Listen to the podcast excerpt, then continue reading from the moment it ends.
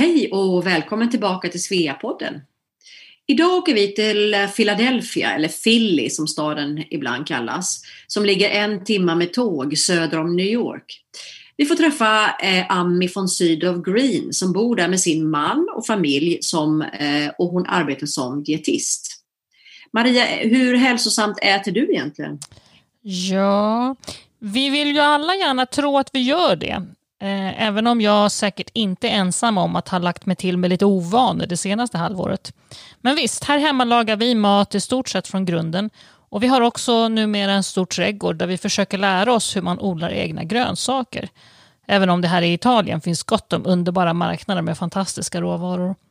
Vi har precis i förra veckan satt ner hur mycket plantor som helst för höstsådden. Så här blir det färska grönsaker under hela vinterhalvåret i det här klimatet. Vad härligt. Ja, eh, av Ami här får vi ju eh, inte bara flera recept utan även en titt in i hennes vardagsliv. Vi får höra henne berätta om vad hon äter själv till frukost, lunch och middag och hur hon och hennes barn planerar matsedel för veckan som kommer. Och visste du förresten att Ami har ett fantastiskt Instagramkonto där, där det finns massor med fin matinspiration? Ja, det heter faktiskt sund understreck by Ami. Och jag har alla hennes fyra kokböcker här hemma. Eh, fest med systrarna från Sydow, Sommar med systrarna från Sydow, Små stunder med systrarna från Sydow och så den allra senaste, Maten, livet och samtalen kring köksbordet. Här finns, fick även eh, Amis mamma vara med på omslaget. Aha, du har testat kokböckerna. Vad, ty vad tyckte du då? Jo, men de är jättetrevliga med olika teman. Eh, min favorit är nog ändå den senaste. Mest tror jag för att vi har gjort en liknande sak i min familj. Min mamma skrev för en tid sedan ihop alla recept som vi växte upp med, inklusive lite anekdoter och historier. Och så gjorde hon ett häfte av det här och gav till alla oss barn. Absolut inte lika avancerat som den här kokboken de gjorde, men jag kan verkligen rekommendera alla att inspireras av den idén. Det är jätteroligt att ha. Ja, just det. Och eh, många känner säkert till Ebba Kleberg från Sydow som ju är Amis lilla syster och är känd här hemma i Sverige för sitt projekt Säker stil. Det är intressant hur de här två systrarna lyckas arbeta med projekt över Atlanten. Jag menar alla de här fyra kokböckerna har de skrivit under tiden som Ami har bott i USA och Ebba hemma i Sverige. Eller som Ami beskrev det själv, de har ju en WhatsApp-slinga där de pratar varje dag. Också väldigt roligt att höra hur Ami uppskattar Svea i Philadelphia. Hon är ju aktiv där som programansvarig och hittar på roliga saker. Eh, och jag tycker det är spännande och intressant hur eh, att inom Svea man får möjlighet att träffa så många i olika åldrar och umgås med både äldre och yngre samtidigt. Det är någonting som ibland jag känner har försvunnit lite här hemma i Sverige. Mm, det här är en sak som jag också uppskattar mycket med Svea, att det är så lätt och roligt att umgås över alla åldersgränser. Ja, och just det, vi får inte glömma, hon delar ju också med sig av två härliga recept. Taco chicken chili och vegansk chili. Du hittar recepten i texten som finns här intill podden. Åh, nu blir jag hungrig. Mm, jag lyssnar ofta på poddar när jag lagar mat. Så här kommer Ami von Sydow Green.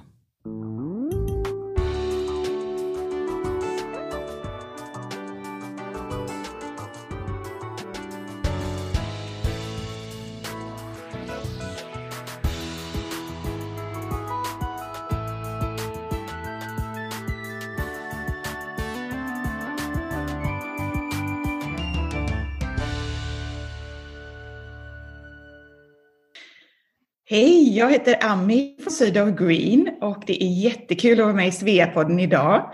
Jag bor nu i Philadelphia sedan nästan 12 år.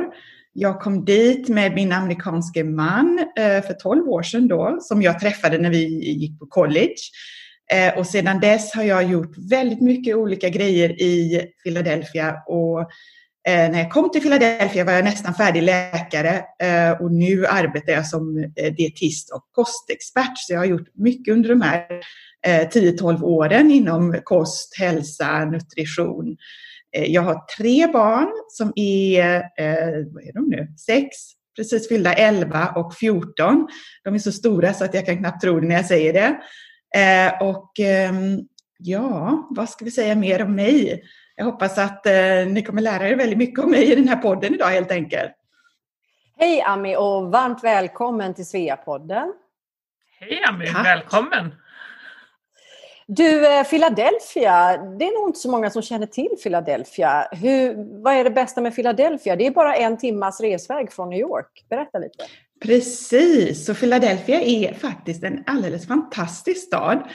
Eh, väldigt mycket amerikansk historia. Så eh, alla som är intresserade av historia borde komma till Philadelphia och se Liberty Bell och Independence Hall. Eh, det finns massor att lära sig om amerikansk historia i Philadelphia. Och min, eh, min man som älskar historia, han, eh, han tycker att det är hur roligt som helst att visa folk runt eh, när man kommer till Philadelphia. Men det är också en, en härlig levande stad mer restauranger per person än New York City.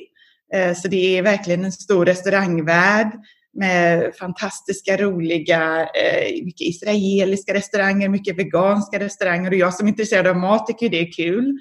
Och det är en stor stad eh, som då ligger nära både New York och Washington DC. Ungefär en, en och en halv timme med tåg till bägge de städerna. Så man, man är ju väldigt centralt man, man bor ju väldigt centralt och vi brukar flyga till eh, Newark Airport och sen köra en timme i bil ungefär eh, därifrån. Så är vi hemma. Mm. Men du eh, Ami, berätta lite var i Sverige kommer du ifrån och var har du, dina, var har du vuxit upp? Så jag kommer, som man nog hör lite i alla fall, hoppas jag, jag kommer från Göteborg. Jag föddes faktiskt i Japan, så jag har lite en tradition av att eh, eh, bo utomlands. Eh, så mina, mina föräldrar bodde i Japan i två år, när jag, runt då när jag föddes. Men sen dess så bodde jag i, växte jag upp i Göteborg eh, med en stor familj och eh, vänner. Alla, många av dem är fortfarande kvar i Göteborg, så jag känner mig fortfarande väldigt starkt eh, anknuten till Göteborg. Jag är eh, hemma varje sommar. Eh, då är vi i Göteborg och ute på Marstrand och jag vill verkligen att mina barn också ska känna den här eh, anknytningen till ja, men västkusten kanske jag ska säga egentligen. Eh, och Sverige såklart. Och du, om jag förstod saker och ting rätt när jag läste så har du tre eh, examina. Ja, eh, min man och jag brukar skoja om det att om, om eh, eh, om det ska vara någon tävling i hur, mycket, hur många akademiska år eh, som han har gjort som par så, så, så, vinner vi stort för han har också en massa eh, examina inom olika ämnen. Eh, så jag gick på college efter high, efter high school, säger efter gymnasiet så reste jag till Boston för att gå på college, eh, på Wellesley College, där faktiskt eh, Hillary Clinton gick också. Det är ett Women's College. Så det var ju väldigt annorlunda. Dit åkte jag efter, efter gymnasiet och tänkte stanna ett år men jag blev faktiskt kvar i fyra år och tog min examen där i ekonomi och eh, chockerande tyska. Så jag tog en examen i ekonomi och tyska och alldeles innan graduation så träffade jag min man Jeff eh, som så småningom fick mig då att bli kvar i, i USA. Men vi, eh, min man och jag, vi bodde också efter college så bodde vi faktiskt några år i Göteborg och eh, där läste jag medicin och, och, tog eh, läkarexamen och min man skrev på sin avhandling. Så han satt på kaféer i Göteborg och skrev och jag var på sjukhus och eh, pluggade. Och du tänkte att du skulle bli läkare helt enkelt, det var planen då? Precis, precis. Och jag har ett väldigt starkt intresse för hälsa, biologi, vetenskap, människokroppen, eh, träning mat. Och på något sätt så, så jag, jag tyckte det var fantastiskt roligt och spännande att läsa till läkare. Men eh, som jag tror eh, är lite typiskt egentligen för, eh, för kvinnor som flyttar utomlands så, så kan det ibland vara så att eh, man ändrar sin bana på grund av många olika faktorer. Så när vi då kom till Philadelphia, min man fick ett, eh, ett jobb eh, som professor på University of Pennsylvania så då så tog vi hela familjen som då var min man och jag och vår lilla dotter, så flyttade vi till Philadelphia.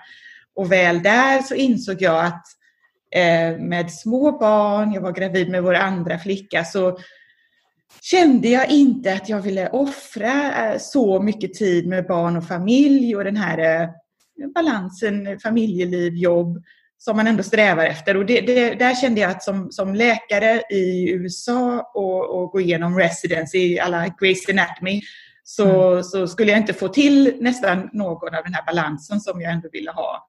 Så då så började jag, först började jag forska inom eh, eh fetma och övervikt och sedan så fastnade jag verkligen för det här med att eh, eh, hjälpa, framförallt kvinnor egentligen, hjälpa, men hjälpa människor med sin kost. Så jag började lära mig mer och mer om, eh, om kost och då så tog jag en examen, en masters i eh, human nutrition och utbildade mig sedan vidare. Eh, gjorde ett internship och examen för att bli eh, legitimerad dietist i USA. Så, så det är egentligen i den kapaciteten jag framförallt arbetar nu som, som dietist, kostrådgivare. Hur skiljer sig matvanor då mellan USA och Sverige? Det måste vara, eller jag inbillar mig att det är ganska annorlunda. Ja, det är väldigt annorlunda. Det, jag måste säga att det som har slagit mig från första början när jag flyttade till USA då, som eh, sena tonåren egentligen, eh, det är just det här med alla de söta frukostarna. Det är, det är många i USA som har en väldigt stark preferens, det ser jag bland mina patienter, en väldigt stark preferens för sött. Så till exempel så säger de till mig, säger jag, men cornflakes, ja du äter cornflakes på morgonen, så säger de, ja men ja, då måste jag ju, när jag ska ta en sån alldeles sådana vanliga flingor, då tar jag ju två, tre matskedar socker på. Um, så det är något som jag, har, som jag alltid tänker på det här med de söta frukostarna och samma eh, amerikaner älskar ju våra eh, goda svenska kanelbullar. Och, och, jag brukar ta med dem till skolan. Ja, men någon gång per skolår så gör jag bullar och så får barnen ta med sig till skolan. Och då kommer det alltid fram så många mammor. Och, och det, jag måste säga att det är fortfarande fler mammor än pappor som är aktiva inom skolor i USA. Men så det är mammor som kommer fram och säger oh, Tänk vad härligt för dig, du måste ha vuxit upp med kanelbullar till frukost varje dag. Och så säger jag till dem att nej, alltså jag tror faktiskt att när jag växte upp så åt jag nog inte kanelbulle till frukost en enda dag utan det åt jag ju till, ja, till fika då klockan tre eller, mm eller i, i skidbacken eller ja, möjligen då till frukost. Om, ja, nej, faktiskt inte till frukost. En lussekatt till frukost eh, under jultid då kanske. Ja, en gång om året. På Lucia möjligen. Ja, liksom. på Lucia, precis.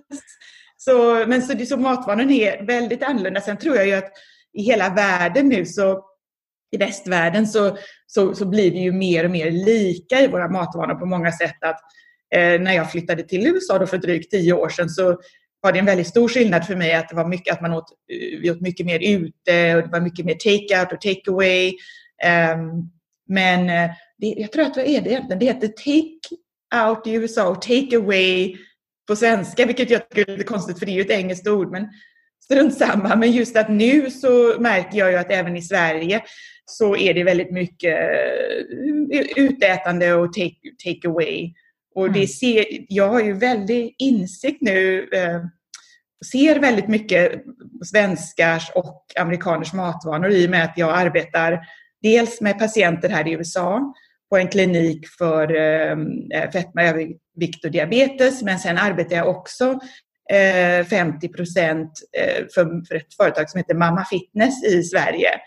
Och där har jag ungefär eh, ja, uppemot 100 kvinnor i veckan som jag är, kostrådgivare för. Och det är fantastiskt roligt. Så där har jag ju full koll på eh, svenska kvinnors matvanor måste jag säga. Du Ami, snälla, du måste ge oss ditt bästa tips bara för att gå ner i vikt. Några, några gratis råd ja. Vad är ditt bästa ja, tips? Jag skulle säga bästa, mina, mina bästa tips, eh, alltså mitt första bästa tips är ändå lite tråkigt och det är faktiskt det att ehm, eh, skriva en matdagbok.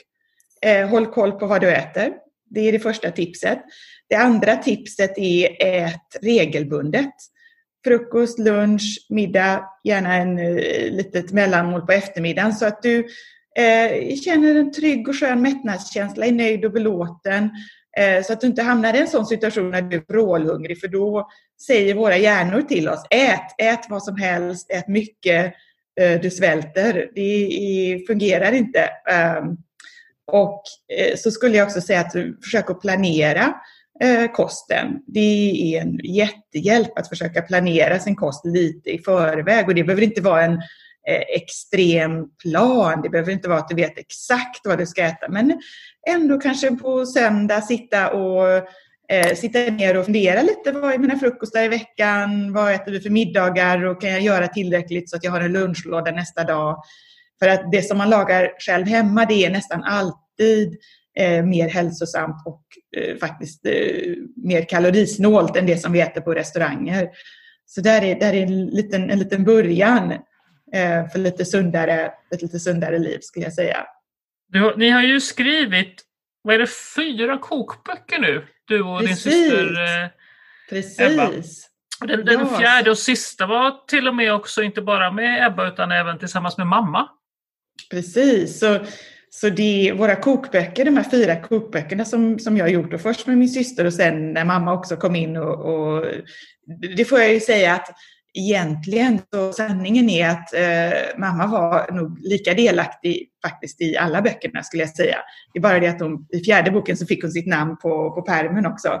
Eh, men, eh, men det är fantastiskt roliga projekt att jobba med och sen så får jag säga då som som eh, dels att jobba med andra kvinnor, fantastiska kvinnor i min familj, men också det här att, att då ha ett arbetsprojekt på gång tillsammans över Atlanten. Det har gjort att eh, faktiskt jag tror att jag håller kontakten med min syster ännu bättre än vad jag kanske hade gjort annars. För att det är klart att vi pratar hela tiden, vi har alltid en WhatsApp-slinga som är eh, på gång.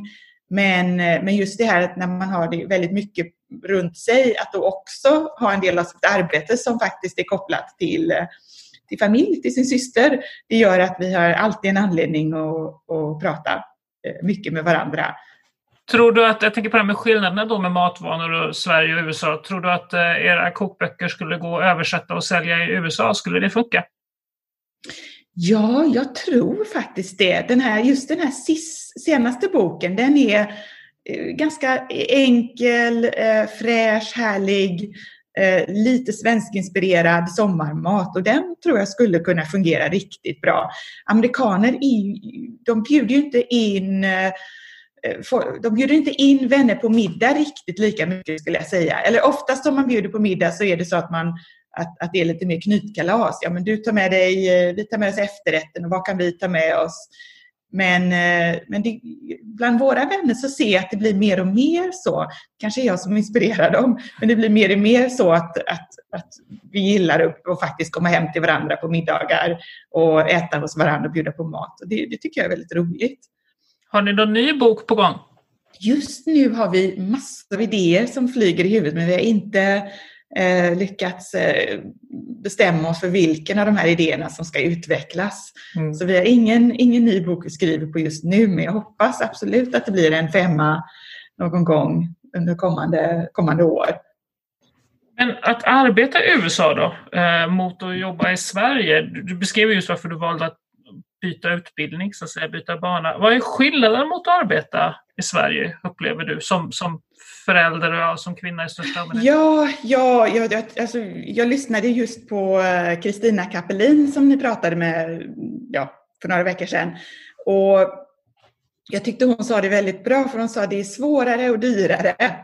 Eh, och det stämmer exakt. Det är, eh, det är jag skulle säga att i Sverige så har vi ett system som ändå är ganska ordnat för att eh, för två heltidsarbetande föräldrar. Sen är det strävsamt var man än är att ha en familj med små barn och arbeta och, och fixa middag på bordet och lämna jo, på dagis. Livspussel har ju alla. Liksom. Absolut. Liksom. Precis, så det har man var som helst. Men i USA är det ju väldigt dyrt, så barnomsorg är extremt dyrt. Och um, då, då blir det ju allt den här, då, då blir det oftare tror jag som många kvinnor frågar sig själva, är det värt att jag ska arbeta om jag knappt eh, tar in så att det räcker för att faktiskt ens täcka vad barnomsorgen kostar? Och, och, och det har ju, jag måste säga att jag har tänkt lite, lite balanserat där, så jag har ofta eh, arbetat på eller, eller studerat på egentligen på halvtid, för jag har också njutit av att kunna vara hemma med mina barn lite mer när de har varit små. Men, eh, men det är ändå den, det finns alltid den där balansräkningen som går i huvudet att oj, är det värt nu, var jag tillräckligt effektiv idag för att eh, jag skulle lämna in barnen och betala så och så mycket för deras, för deras förskola idag. Du jobbar ju deltid eh, och, och, och, lyckas också sy ihop lite långa semester och så på sommaren. Hur, hur fick du till det? Precis, så, så där skulle jag säga så, så under mina första många år i USA så, så hade jag olika eh, forskningsjobb och då var jag alltid på, på en ganska deltidstjänst och halvtid eh, arbetade de första åren. Och sen så studerade jag ett tag, då min masters. Och sen när jag nu började arbeta på den kliniken där jag är nu, för fem år sedan, så, så var jag i en situation där jag, var ganska, jag visste vad jag ville och jag visste att eh, jag var ganska säker på att jag var den perfekta personen för dem att anställa. Och det visste jag och det, det visste de. Så jag hade en bra förutsättning för att eh, faktiskt förhandla ganska, ganska hårt och säga att det som jag vill för att, för att ni ska anställa mig, jag, jag förhandlade inte egentligen min lön så hårt, men, men lite. Men det som jag verkligen la in i min förhandling var att jag ville kunna vara fem veckor i Sverige på sommaren. Och det är ju alldeles, det finns inte på kartan i USA att någon är borta i fem veckor i sträck på sommaren. Eh, så, så det var min man sa också, så här, men fråga, fråga nu du vet att de vill att du ska komma till dem, så mm. fråga dem. Och så gjorde jag det och så svarade de med vändande mejl att ja men inga problem, visst, det går bra. Så, så nu har jag inbyggt i mitt kontrakt eh, att jag, jag har fem veckors eh, ledighet på sommaren så att jag kan åka till Sverige i fem veckor. Och, och, det är väldigt roligt för att när, jag, då när, när andra frågar mig som arbetar på samma arbetsplats säger de, men va? Hur, hur, eh, hur fick du till detta? Hur fungerar detta? Så jag, jag frågade och så sa de ja. och så är det ju ibland och det tror jag att det är faktiskt något som jag har lärt mig av och som jag tror att många eh, kvinnor eh, verkligen behöver bli bättre på. Att, ja, men vad är det värsta som kan hända? Vad var det värsta som skulle hända, kunde hända där? De kunde ha sagt till mig att nej, fem veckor går inte, men tre veckor går bra. Mm. Ja, då kanske jag hade kunnat säga fyra, funkar för mig. Men eh, frågan är fri. Och, och det var ju väldigt bra att det blev så. För att det, det, det har varit viktigt för mig under alla mina år i USA och framför allt nu när jag har barn, att, att jag vill att de ska känna eh, att de är en del av den svenska kulturen och för att de ska känna så, så tror jag att de behöver ha den här lite längre svenska sommaren så att de verkligen är på plats i Sverige i, ja, i många veckor och då så barnen mina flickor som är lite större, de har sedan fem, sex år åtminstone. Jag tror att min äldsta åkte när hon var nio för första gången själv. Så då åker de själva några veckor innan så att de är i Sverige ungefär åtta veckor.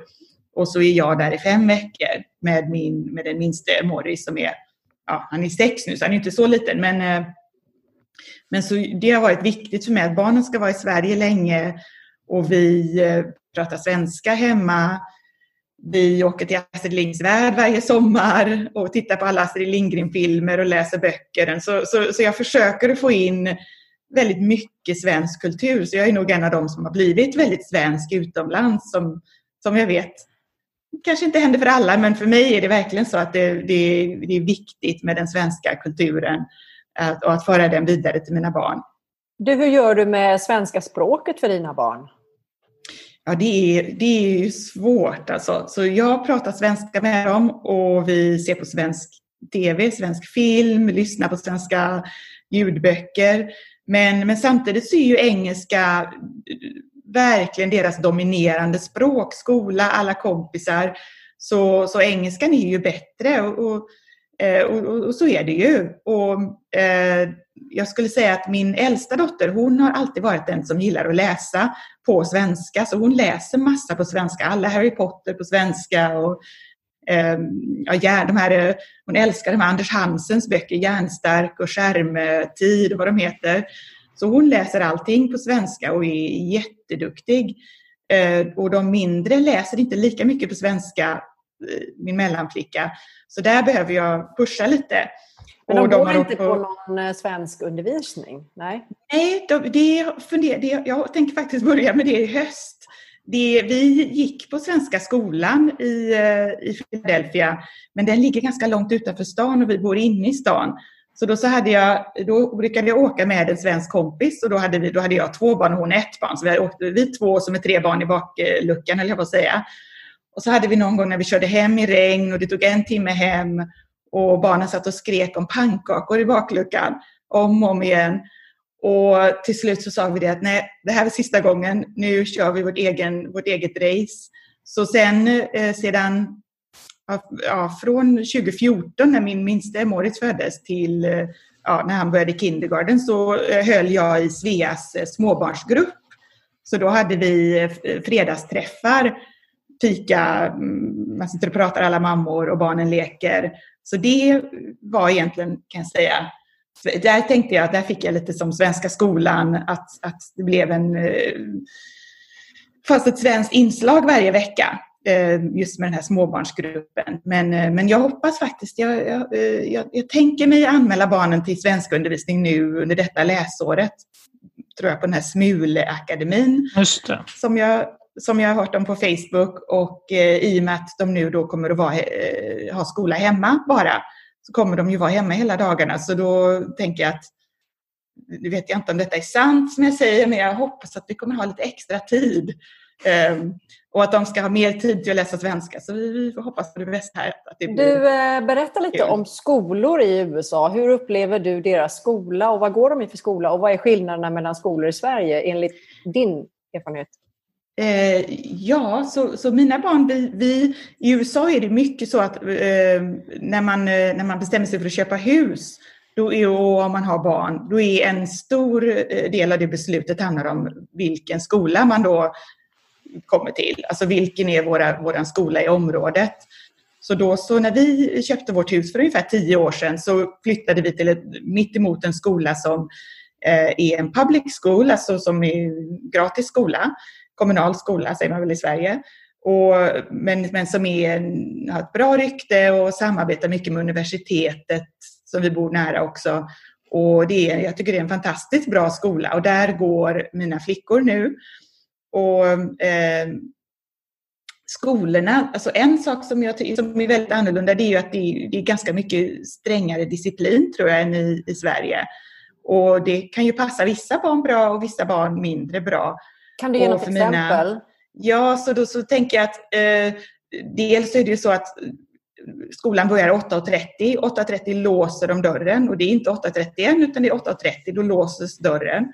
Och kommer man då 8.31 så får man gå runt till en annan dörr, ringa på, gå in eh, och då får man då en permanent prick i sitt, eh, vad ska man säga, på sitt betyg, eh, late arrival.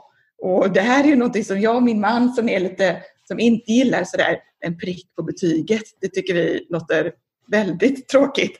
Så vi har faktiskt inte några sådana prickar men är extremt stressade varje morgon att herregud, nu är klockan 8.23 och du har inte borstat tänderna. Eh, så det är, så det är, liksom, det är, det är ganska tydliga re, regler, vilket jag också kan, kan gilla. Att man vet det, att 8.30 ska man vara där och då är alla barn där. Och sen så är det ju mer formellt med lärare, som mina eh, flickor kallar sina lärare för Miss Miss Kearney, Miss Green. Eh, det finns ingen lärare som de kallar då eh, första namnet utan det är alltid lite mer formellt. Och ehm, ja, och mycket att man står i led och går in i skolan. Och, eh, sen när det gäller undervisning så är det ganska traditionellt också. Men det finns ju många olika skolor. Men vår skola är ganska, ganska traditionell och med läxor och, och eh, Tycker du att nivån är ungefär som samma som i Sverige? Det är kanske svårt för dig att jämföra? Ja, det är väldigt svårt. Jag tror att nivån är ganska samma. Det skulle jag tro. Eh, jag tror att möjligen får jag känslan av att matten är lite, att de går lite snabbare fram i matte, men sen jämnar det nog ut sig. Men eh, de börjar ju i skolan lite tidigare, så de börjar då i kindergarten när de är fem och sen så går de i ettan när de är sex. Eh, och sen så nu min dotter som är 14 ska ju börja high school, gymnasiet. Så, så, de, så de ligger lite före där, men jag tror nog nivån är ganska lik skulle jag säga. Eh, och sen så nu så min minste son Morris, så vi bor då mitt emot den här fantastiska skolan. Men det som händer, som man kan tänka sig, om ett område då blir väldigt populärt och skolan är jättebra, då flyttar det ju mer och mer familjer i det här området. Så till slut, det finns ju inte plats till slut för alla på den här lilla skolan. Så då så när min eh, mor skulle börja så var det ett lotteri om platserna till den här kommunala skolan och då fick han inte plats. Då kom han sist i kön i detta lotteriet som barn nummer 130 130, ja, något sånt där. Så, eh, så då kom inte han in i skolan. Så då så fanns det ett val att välja en annan skola som låg en bit bort, en kommunal skola med tyvärr ganska dåligt rykte. Det finns en del skolor i Philadelphia som verkligen eh, tyvärr har jättedåliga resurser och vi gick och hälsade på skolan och det var liksom taket såg ut som det höll på att trilla ner och det kändes inte som en skola som vi ville skicka Morris till och då så eh, så han går faktiskt på en privat skola, en Quaker school, en Friends school. Så det är väldigt annorlunda och, och mycket mer eh, informellt faktiskt. Och lärarna kallas då för eh, teacher och så första namnet och man kallar sina vänner för friends. Så, så istället för att säga students så säger man friends. Du, eh, ehm, Quaker School, det är nog inte kanske alla som känner till. Vad betyder det? Nej, kväkare, så det är ju en, en, en religion. Eh, och en, en, religion och en filosofi som, eh, som finns i, i England och USA. Det kommer säkert från England. Och eh, som då eh, ja, finns ganska många faktiskt Friends Quaker, alltså kväkarskolor just. Jag har egentligen inte hört om så många som har den, som är, har den religionen Quakers, men just skolor så fungerar den här filosofin ganska bra verkar det som. Eh, det är mycket integritet och se till barnens eh, integritet och, eh, och så är det fred. Man får inte ha på sig kamouflagekläder och ingenting med eh, pistoler på eller sådär. Eh, men annars så är det, jag måste säga att det är en helt vanlig, väldigt liten, gullig skola. Och det, nu så är det, måste jag säga att vi är väldigt glada för detta just nu för alla eh, kommunala skolor i Philadelphia är stängda Eh, hela hösten. Alltså de är, det är remote learning, eh, är, man lär sig på nätet hela hösten. Men i och med att eh, många av privatskolorna är så små så i Mårdis skola är de 90 barn från mellan pre-K och upp till sexan. Så de har gjort beslut att de ska öppna skolan faktiskt. Så han kommer att få gå i skolan åtminstone till början av hösten. Vi får se vad som händer då med allt detta. Men, men det är jag ju så glad för, för, för att lära sig hemma. Visst funkar det bra för en, eh, en väldigt ordentlig och klok 11-åring och 14-åring, men för en busig 6-åring så är det inte något bra att lära sig hemma. Men dina flickor kommer att, kommer ha onlineundervisning då hemma ja, i höst? Ja, precis. Och de kommer att ha online undervisning, Zoom, eh, hela hösten. Och de har ju haft det nu sedan 13 eh, mars. Har de och hur funkar allihopa. det då? Hur funkar det? Ja, alltså det funkar ändå. ja, Ja, det är ju, så vi har faktiskt nu hela, hela våren så, så har vi, eh, min man och jag, vi har delat veckan på, eh, delat veckan så att mina arbetsdagar är tisdag, tors, nej, ja, tisdag, torsdag, söndag i mina hela arbetsdagar och hans hela är måndag, onsdag, lördag och sen så delar vi på fredagen.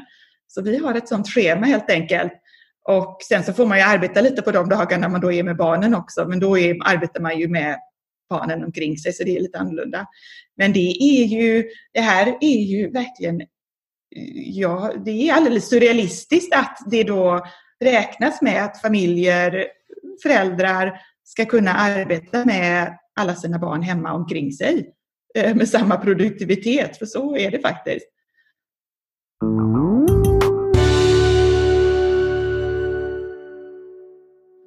Ja, Anna, kan inte du berätta lite mer om Svea för de som inte hört talas om oss förut? Vad är Svea? Ja, Svea är en helt fantastisk och unik organisation för svensktalande kvinnor som bor eller har bott utomlands. Svea grundades 1979 i Kalifornien av Agneta Nilsson och är ett självklart nätverk för dig som är svenska och bor utomlands. Men namnet Svea då, vad betyder det? Svea är en förkortning av Swedish Women's Educational Association. Vi är en global ideell förening med 7000 medlemmar i ett 70-tal lokala avdelningar i över 30 länder. Och vad händer i Svea då? Varför ska man vara med? Via Svea så eh, får man ett nätverk av svensktalande vänner och ett stort utbud av intressanta aktiviteter, både lokalt men även på nätet. Svea eh, är också en välgörenhetsorganisation med en viktig stipendieverksamhet både internationellt och lokalt. Vi utser bland annat Årets svenska kvinna, en utmärkelse som tilldelas en kvinna som gjort mycket för att sätta Sveriges namn på kartan utomlands. I år, eh, 2020, så blev det eh, fotbollslegenden Pia Sundhage som fick den utmärkelsen.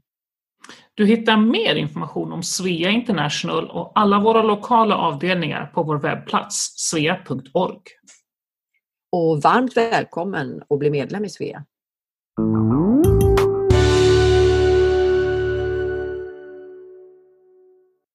Du, eh, jag tänkte bara rent generellt det här med familjeliv i USA jämfört med familjeliv i Sverige.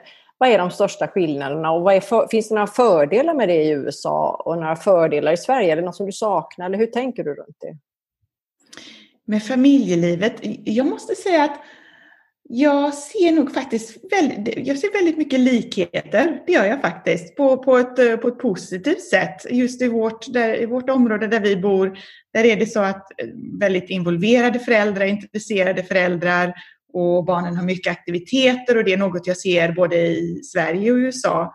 Ehm, det som jag ser eh, som kanske är nog mer i USA, det här vet jag inte exakt, men vad jag märker mer i USA det är nog det att eh, mammorna är verkligen de som organiserar och planerar och ordnar med nästan allting. Och så, så jag försöker att motverka det och försöker att se till att eh, ibland till exempel säga att jag får ett sms av en mamma och ska vi planera en playdate och om det då faktiskt är en dag när, eh, när jag inte ens är med barnen utan min, min man Jeff är med barnen så försöker jag så lägga in honom istället för att ordna det Ofta så ordnar jag det också, men ibland så lägger jag in honom i sms och säger jag eh, skicka ett sms till min man Jeff, han är, han är med barnen och han har koll på deras program idag. Men, men det är väldigt så naturligt att det är mamman som är lite spindeln i nätet, om man ska säga, och ordnar med eh, och fixar. Ehm, ja. Du, ehm, jag tänkte bara så här, kan du inte berätta ungefär hur en vanlig dag ser ut för dig? Och din familj? Absolut, absolut. Nu är det ju, eh, nu skulle jag säga då att det är en extrem skillnad från, om jag tänker januari, februari, då var vi på, på språng. Precis. ja men precis. Och, ja, jag, tänker, jag tänker innan corona. Ja, så, innan corona, men så, så, då, så innan corona så, så var det verkligen så att en, en vanlig dag var vi vaknar eh, ganska tidigt på morgonen och hoppar upp allihopa Eh, de tre barnen och, och det är liksom den här morgonstressen. Um, ät frukost, ät frukost, ät frukost, borsta tänderna, borsta tänderna, sätt på er skor. Vad, äter dina, så, vad äter dina barn till frukost då? Eftersom det eh, åh, ja, men precis. Ja, men jag har ju, min äldsta, min 14-åring, hon är en riktig frukostexpert. Så hon har en, en eh, frukostlista som hon har gjort, som ligger i köket. Och där på den listan så står hennes olika frukostar som hon gör. Och då gör hon, eh, varierar hon mellan overnight oats eller eh, eh gröt eller eh, toast, eh, fullkornstoast med jordnötssmör och banan, yoghurt med granola och bär. Så hon gör jättegoda frukostar till sig själv då. Det här är inte jag som så, gör. Så flickorna gör. gör. sina egna frukostar? Precis, och sen mm. har jag en, så det är väldigt roligt, vi har verkligen olika, de har olika vanor. Så min äldsta då älskar frukost. Min nästa, min Stella som är 11, hennes favoritfrukost om man frågar henne, det är de gångerna när jag glömmer att tjata på henne och hon lyckas komma undan med att inte äta någonting alls. Det älskar hon. Wow. Hon, tycker det, hon tycker det är det värsta som finns. Eh, alltså det finns ju vissa som är så. Hon tycker inte det är gott att äta på morgonen. Hon sitter och liksom pressar i sig en liten eh, halv våffla eller något sånt, sån här, liksom, någonting, vad det nu kan finnas. Och sen eh, min minsting Morris, han tittar på sommarlov.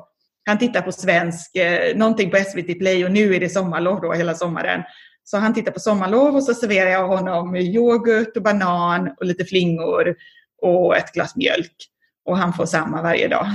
Och vad äter du själv, du och din man? Och jag själv, jag själv, jag äter, jag äter yoghurt. Både jag och min man, vi äter faktiskt oftast, jag äter en blandning och det här är en, det här, vissa tycker det här låter så konstigt, men jag äter en jättegod blandning tycker jag av eh, grekisk yoghurt och keso som jag blandar. För då tycker jag det blir inte lika surt och så får det lite textur. Så jag grekisk yoghurt och keso och så goda bär och blandade nötter och så eh, två eller tre stora koppar kaffe. Det är min frukost. Varje dag. Och vad händer sen under din dag? Så, så innan corona, så tisdag, onsdag och torsdag så gick jag iväg till mitt kontor och, och träffade patienter hela dagarna.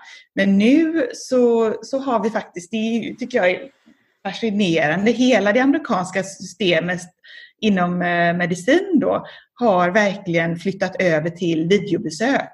Så nu så gör jag då videobesök med alla mina patienter och i början så var det många som sa att nej, men jag, jag bokar om, jag kommer hellre in eh, om några månader när ni är tillbaka inne på kliniken. Så, då, så i början hade jag ett väldigt eh, luftigt schema. Men sen när folk väl, när mina patienter väl började förstå hur praktiskt det är, det här bara att kunna logga in och många då sitter i sitt kök så då har vi vårt besök eh, över video och så säger de, ja men nu har jag köpt den här mjölken och så går de till kylskåpet och så plockar de upp den och visar mig och så tittar vi på etiketten och läser tillsammans och nu eh, älskar alla de här eh, video, videobesöken.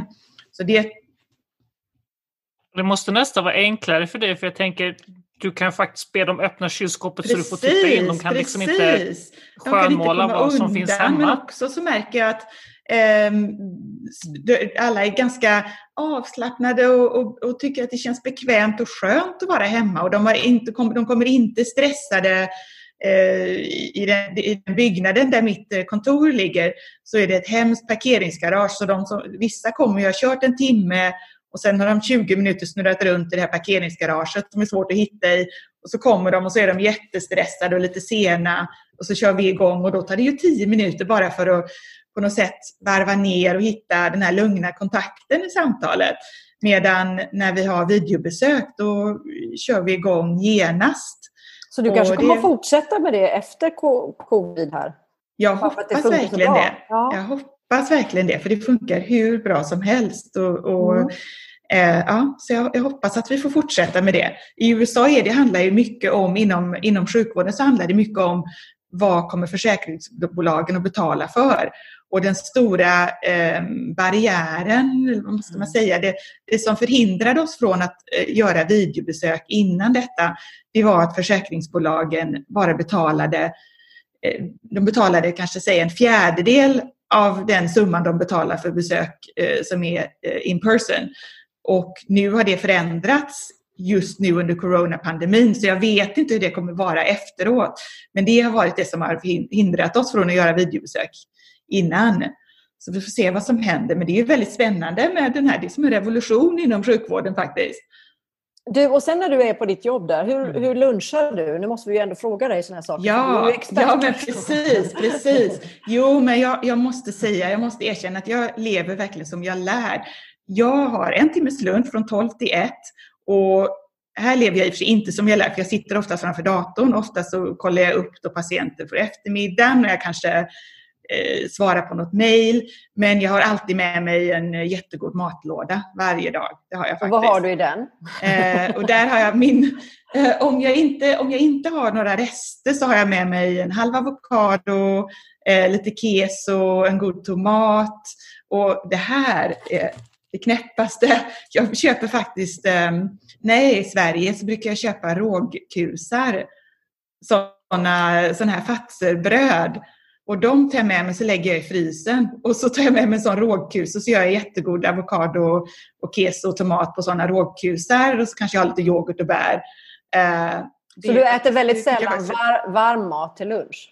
Eh, det gör jag om jag har några goda rester. Så då säger jag om jag har kanske, om jag har gjort eh, um, det som vi äter nästan en gång i veckan, det är en rätt som heter eh, taco chicken chili. Så det är en chili med kyckling och lite kummin och tacokryddor. Så har jag den, eh, har jag gjort den, säg på måndag, då kanske jag äter den till lunch. Ja, tisdag, onsdag, torsdag. Och då, så då värmer jag. Så det är, men, men jag har alltid med mig lunch. Och varje gång, om det händer kanske en gång i månaden att jag inte har med mig min lunch, eh, då går jag och köper en eh, sweet green sallad eller så. Men då tar det så lång tid. och det är det som är, jag är ganska, jag är kanske lite så effektiv, eh, effektivitets eh, Du är extrem. svensk för jag. Ja men precis, och då känner jag mig jättestressad att herregud, nu har detta tagit en kvart och gå och hämta den här himla salladen och där, nu hade jag kunnat sitta, och även om det bara är så att här hade jag kunnat sitta en kvart och scrolla igenom Instagram en stund i lugn och ro, så, så gillar jag inte att Och hur länge Tappa den tiden. häng- hänger du kvar där på jobbet sen då? Eh, jo, men så mina arbetsdagar de är, de- de är ganska, eh, verkligen så 9 to 5. Så jag kommer, så att jag kommer till jobbet vid halv nio och så går jag hem vid mellan fem och halv sex. Och det som jag verkligen har njutit av nu under eh, covid-tiden och vara hemma, det är att mina vanliga dagar då, januari, februari, då handlar det om att kasta sig från jobbet eh, i arbetskläder, eh, gympaskor, kostymbyxor och skjorta börja slänga ihop en snabb middag medan alla är jättehungriga och börjar, medan jag lagar middagen börjar äta olika granola bars och yoghurt från kylskåpet och jag blir jättesur för jag avskyr när mina familjemedlemmar börjar äta mycket medan jag står och lagar en god middag. Eh, då Men vet det, är du, jag att det är du som oftast lagar middag. Ja, för i vår familj är det så att min man han är han, han kan faktiskt nästan inte, eh, han, han, han vill gärna lära sig att laga mat men han, och han håller på att lära sig men, eh, men han växte upp i New York City på Manhattan och hans mamma lagade inte någon mat eh, och de eh, har en stor perm, tjock perm med eh, take-out-menyer och beställde mat nästan varje dag. Så han växte upp utan matlagning omkring sig och då tror jag att det är ganska svårt att, att lära sig. Just den här enkla vardagsmatlagningen är faktiskt Men du, det härligt att han, träffar, han, träffade dig då. Ja, men precis. Väldigt tur. Men du, hur match kommer, made in heaven. hur, hur kommer barnen hem då? Eh, jo, men så då så, så, då så eh, för vår eh, minsting som går på den här eh, privatskolan så har vi en carpool. Så då så eh, vissa dagar, ja, det var ju de värsta dagarna då, en dag i veckan kasta mig hem från jobbet och sen köra 20 minuter ut till hans skola i mörkret och hämta honom och 20 minuter hem. Ehm, så det var jag väldigt glad att jag inte behövde göra. Men mina flickor, de går då i skolan mitt över gatan, så de går till skolan själva och kommer hem själva och, och är hemma själva på eftermiddagen faktiskt och gör sina läxor och um, skickar lite meddelanden till mig och uppdaterar vad som händer. Uh, när kommer du hem mamma? När kommer du hem mamma? Och sådär. Du, eh, jag måste ändå fråga dig bara sista grej här om middagarna då. Planerar du dina Ja. middagar liksom i förväg? Så du har sånt schema eller så alla inköp är gjorda eller hur gör du? Mitt mål är verkligen att göra det och det har vi faktiskt gjort nu eh, när vi har varit hemma. Och det hoppas jag fortsätta med när livet blir mer som vanligt igen. Eh, för det tycker jag är fantastiskt när vi gör det och det är då oftast faktiskt jag och min 14-åring Kitty, vi sitter nu tillsammans. Vi har ett veckoschema nu som vi lägger in. Ehm, så nu idag, snart kommer vi ha vårt måndagsmöte efter detta och då är det jag och barnen så har vi måndagsmöte. Då planerar vi vi gör, skriver shoppinglista, vi planerar middagar, vi planerar in, eh, skriver in när alla har olika aktiviteter. För nu har man ju ganska mycket onlineaktiviteter, så barnen gör eh, fiollektioner på Zoom och franska och spanska lektioner på Zoom, träning på Zoom. Så, och då planerar vi också in middagar. Så vi har eh, take-out varje torsdag, vi har pizza varje lördag. Eh, vad är det vi har mer? Alltså har vi tacos en dag i veckan. Ja. Har du oftast liksom en viss repertoar med recept som du kör hela tiden eller hittar du hela tiden på nya saker? Nej, det blir, det blir, vi har alltid, vi, vi går igenom perioder när vi gör eh, mycket av samma. Så, så vi gör, och så vet jag också, lax äter vi nog en gång i veckan. Lax och ris och någon sallad äter vi en gång i veckan. Och så har vi den här taco chicken chili som vi har gjort väldigt mycket och en, eh, en vegansk chili som vi gör mycket.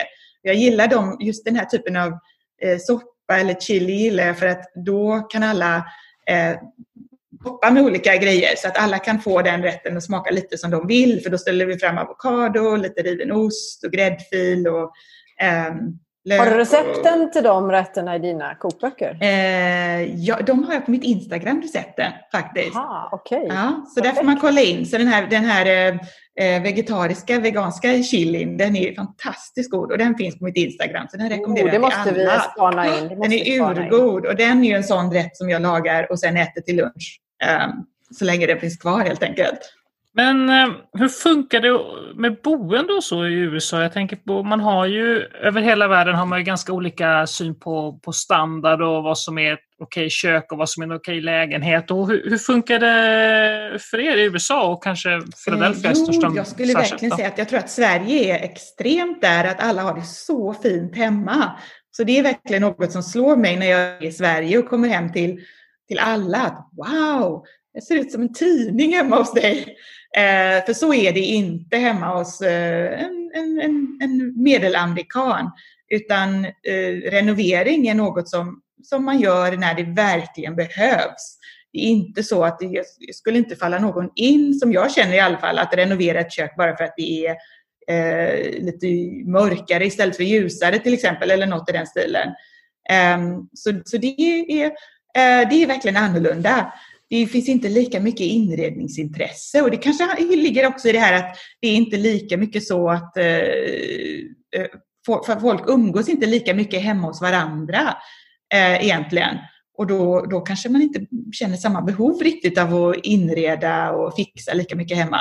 Så vi är ändå många vänner som eh, vi har vänner som är inredningsintresserade som har det fint hemma, men vi har också en hel del vänner som, som vi har kommit hem till och så tänker man, men herregud, hur kan de hur kan de bo så här? Och då är det någon som kanske bara helt enkelt inte tänker överhuvudtaget på sitt hus eh, annat än funktionellt. Säng, bord, en stol, mikrovågsugn.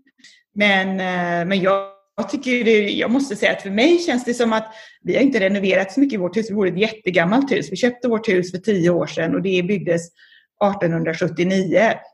Så det är verkligen ett gammalt hus. Och det var i gott skick när vi flyttade in. Vi målade alla väggar. Eh, men vi har inte gjort någonting stort egentligen. Men nu ska vi eh, lägga in lite nya köksbänkar och kakel och sånt i höst hoppas jag. Eh, men jag tycker det är viktigt det här med att, att det är mysigt hemma. Och, och att man, man trivs i sitt hus och, och, och har det liksom härligt och lite prydligt. Och det gör ju att man, man, man, man mår bra helt enkelt. Upplevde du som svensk att det var mycket dyrare att köpa ett hus i USA än vad det skulle varit motsvarande liv i Sverige? Nej, det gjorde jag faktiskt inte för att i Göteborg är ju husen väldigt, väldigt dyra. Så, så jag tror att det var ganska likt faktiskt eh, i vårt område. Sen är det ju så att vi ny, till exempel, det var ju en anledning som jag måste, jag kände att jag var inte så sugen. Min mans familj eh, bor ju då på, på Manhattan allihopa och jag var faktiskt inte så, så sugen på att flytta till Manhattan för jag tänkte att där kommer vi att bo i en lite mindre lägenhet medan nu i Philadelphia så bor vi mitt inne i stan i ett stort härligt eh, hus faktiskt.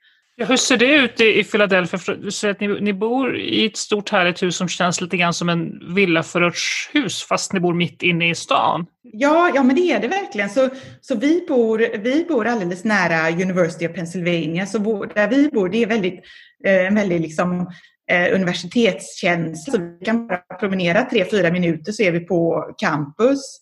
Och eh, vår gata är en liten gata med eh, townhouses. Det är nästan lite brittisk känsla med townhouses i tegel och med stora sådana front porches och alla sitter ute på sin porch.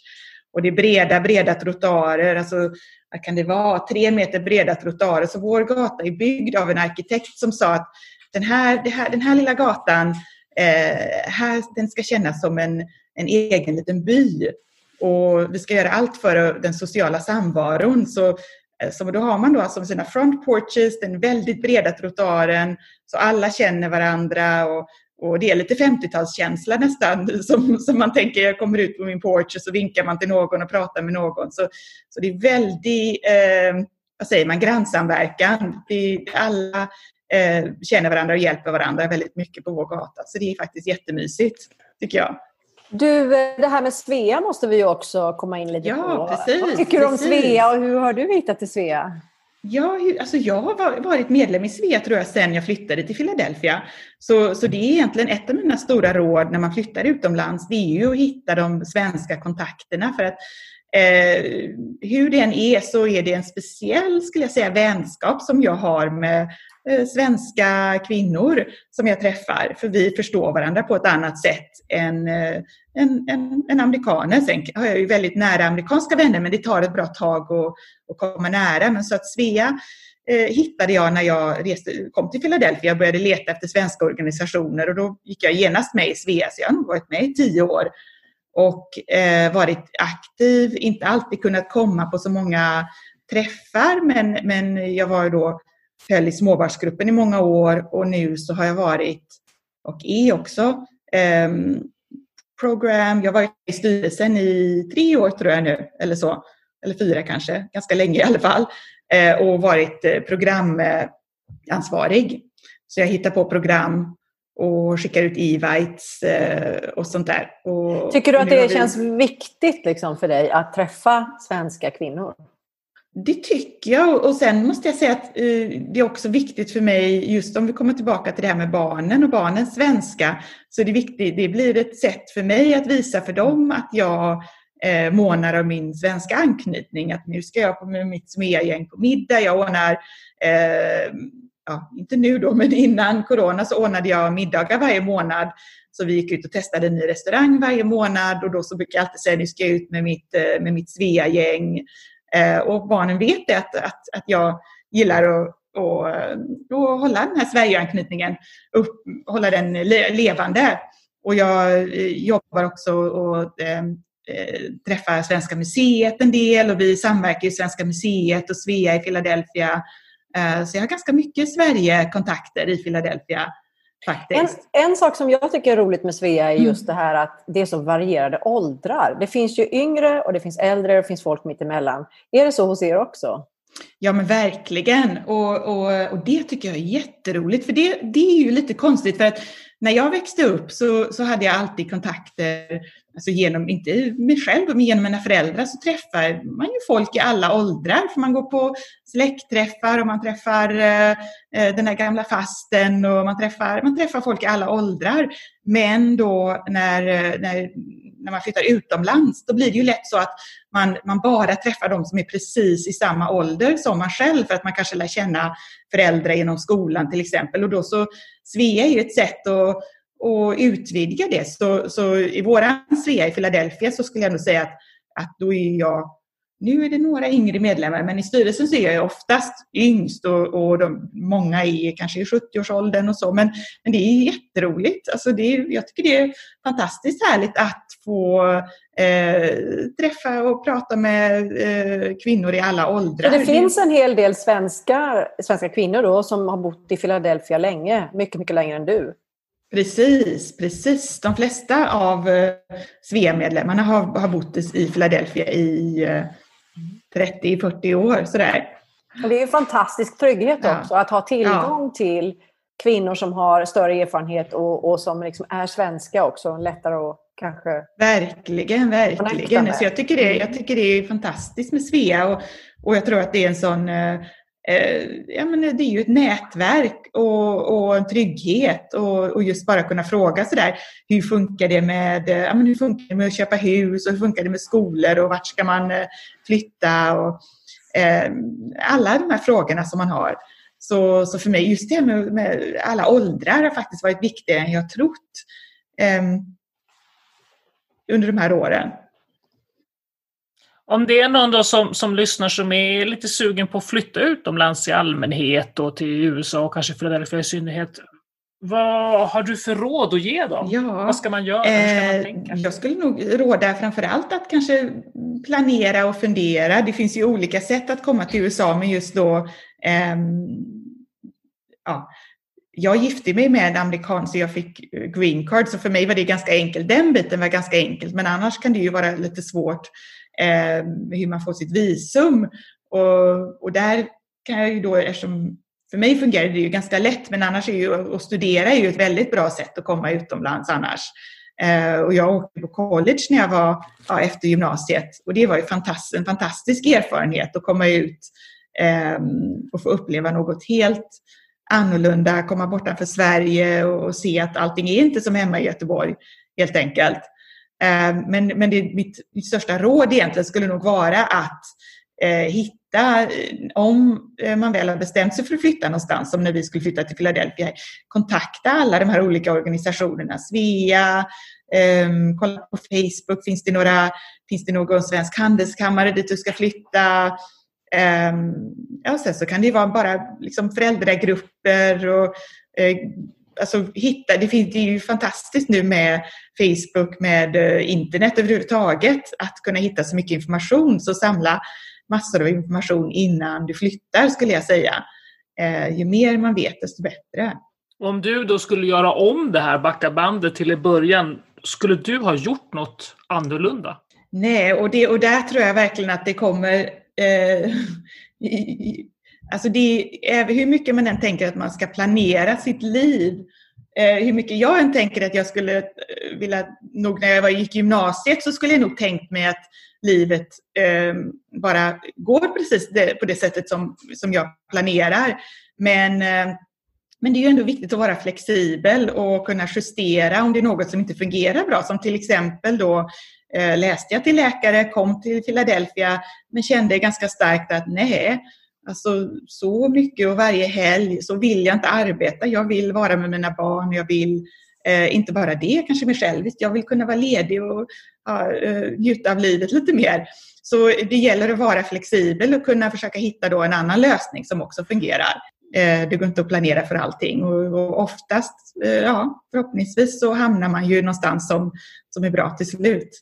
Efter alla de här åren i USA, har du ändrat dig och blivit mindre svensk? Är du nu som en halv amerikan och halv svensk eller är du fortfarande jättesvensk? Och kommer du också, en annan fråga där, kommer du någonsin att flytta hem?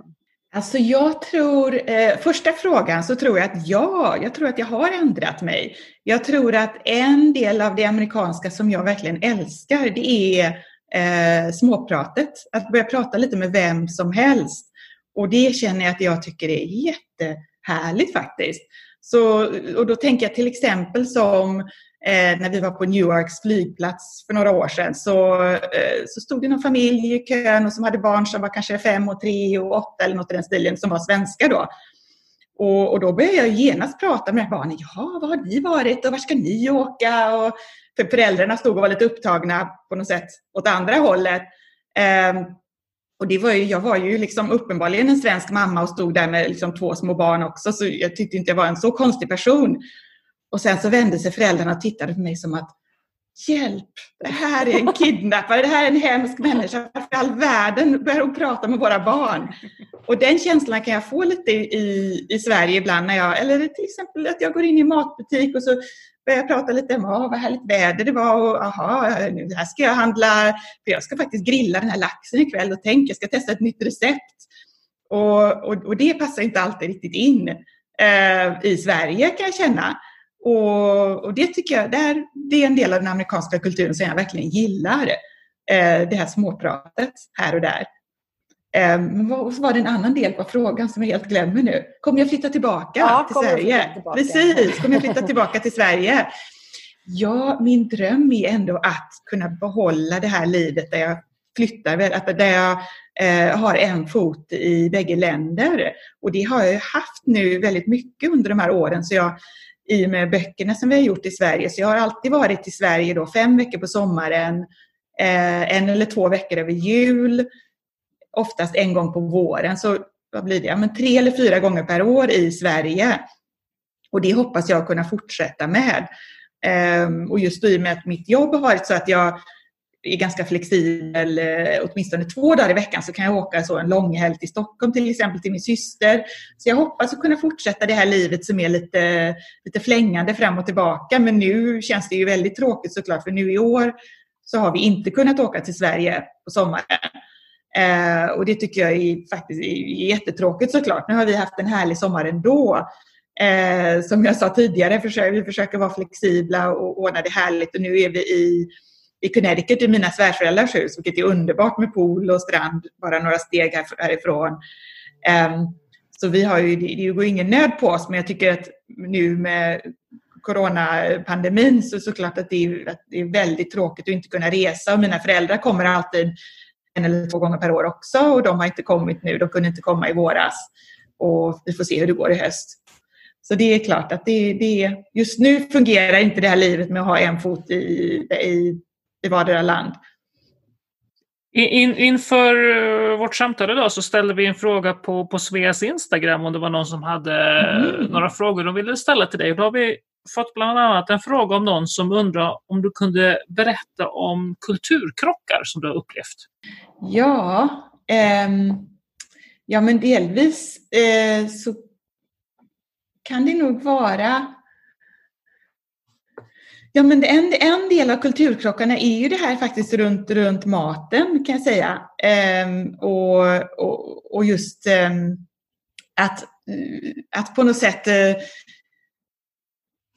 det kan ibland nästan kännas lite konstigt om vi har bjudit hem någon på middag och så, och så kommer de till oss och så har man lagat liksom middag och efterrätt och så och då så kan folk nästan känna sig lite, tycka att det känns lite, lite dumt för de har inte riktigt väntat sig så mycket och jag vet inte riktigt om det är kultur. Jag försöker tänka på kulturkrockar. Har du aldrig varit med om någon sån här pinsam situation när, inte du, när du har kört på något När jag inte förstår alls sådär. Ja, eller du men liksom... Exakt, exakt.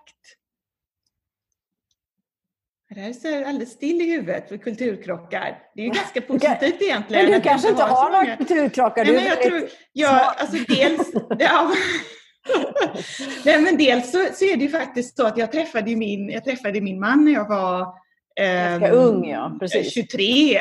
Så, mm. vi, så, så jag har ju på något sätt alltid haft honom mm. vid min sida lite. Så jag har varit, eh, haft en väldigt nära kontakt med amerikaner då på det sättet. Eh, så, så det har inte funnits så mycket utrymme för, för stora kulturkrockar faktiskt. Och sen så tror jag, alltså det är faktiskt väldigt intressant för om jag tänker på mina svärföräldrar och mina föräldrar, så ibland, man kan ju säga att ibland är det ju, eh, kan det bli en kulturkrock, att det kan bli svårt att förstå varandra från olika kulturer. Men ibland tror jag att det kan vara en fördel att komma från olika kulturer för att man har så roligt tillsammans just för att eh, man har helt olika det blir väldigt givande. erfarenheter. Ja. Det blir väldigt givande. Så våra, eh, min mans och mina föräldrar har jättekul tillsammans och, och trivs så bra ihop. Och eh, träffas alltid. Om mina föräldrar kommer och hälsar på så åker de ofta till New York och då äter de middag och bor hemma hos eh, mina svärföräldrar utan oss där då och har hur trevligt som helst. Så, och där tror jag att det vet jag inte. Det hade som. hade säkert kommit väl överens med några svenska svärföräldrar också. Men jag tror att det faktiskt ger något extra att, att eh, eh, alla föräldrarna tycker det är så roligt att få lära sig av varandra och, och utbyta erfarenheter och prata om Sverige och prata om USA. Och, eh, att det är något exotiskt där. Så det, det har fungerat väldigt bra. Jag hoppas vi bara att eh, vi snart kommer över det här tillståndet så du får träffa dina föräldrar igen snart. Ja, hjälp, alla kan umgås, eller hur? Tack så jättemycket ja, Ami för att vi har fått prata med dig idag. Jättespännande. Jag tackar också. Det var så kul. Och vi skulle säkert kunna fortsätta i flera timmar. Det är väldigt mycket roligt att prata om. Precis, det är ju så. Det är så.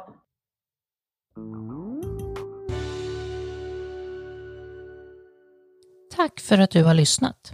Den här podden är inspelad och producerad för Svea International av Anna Brill och Maria Schacki.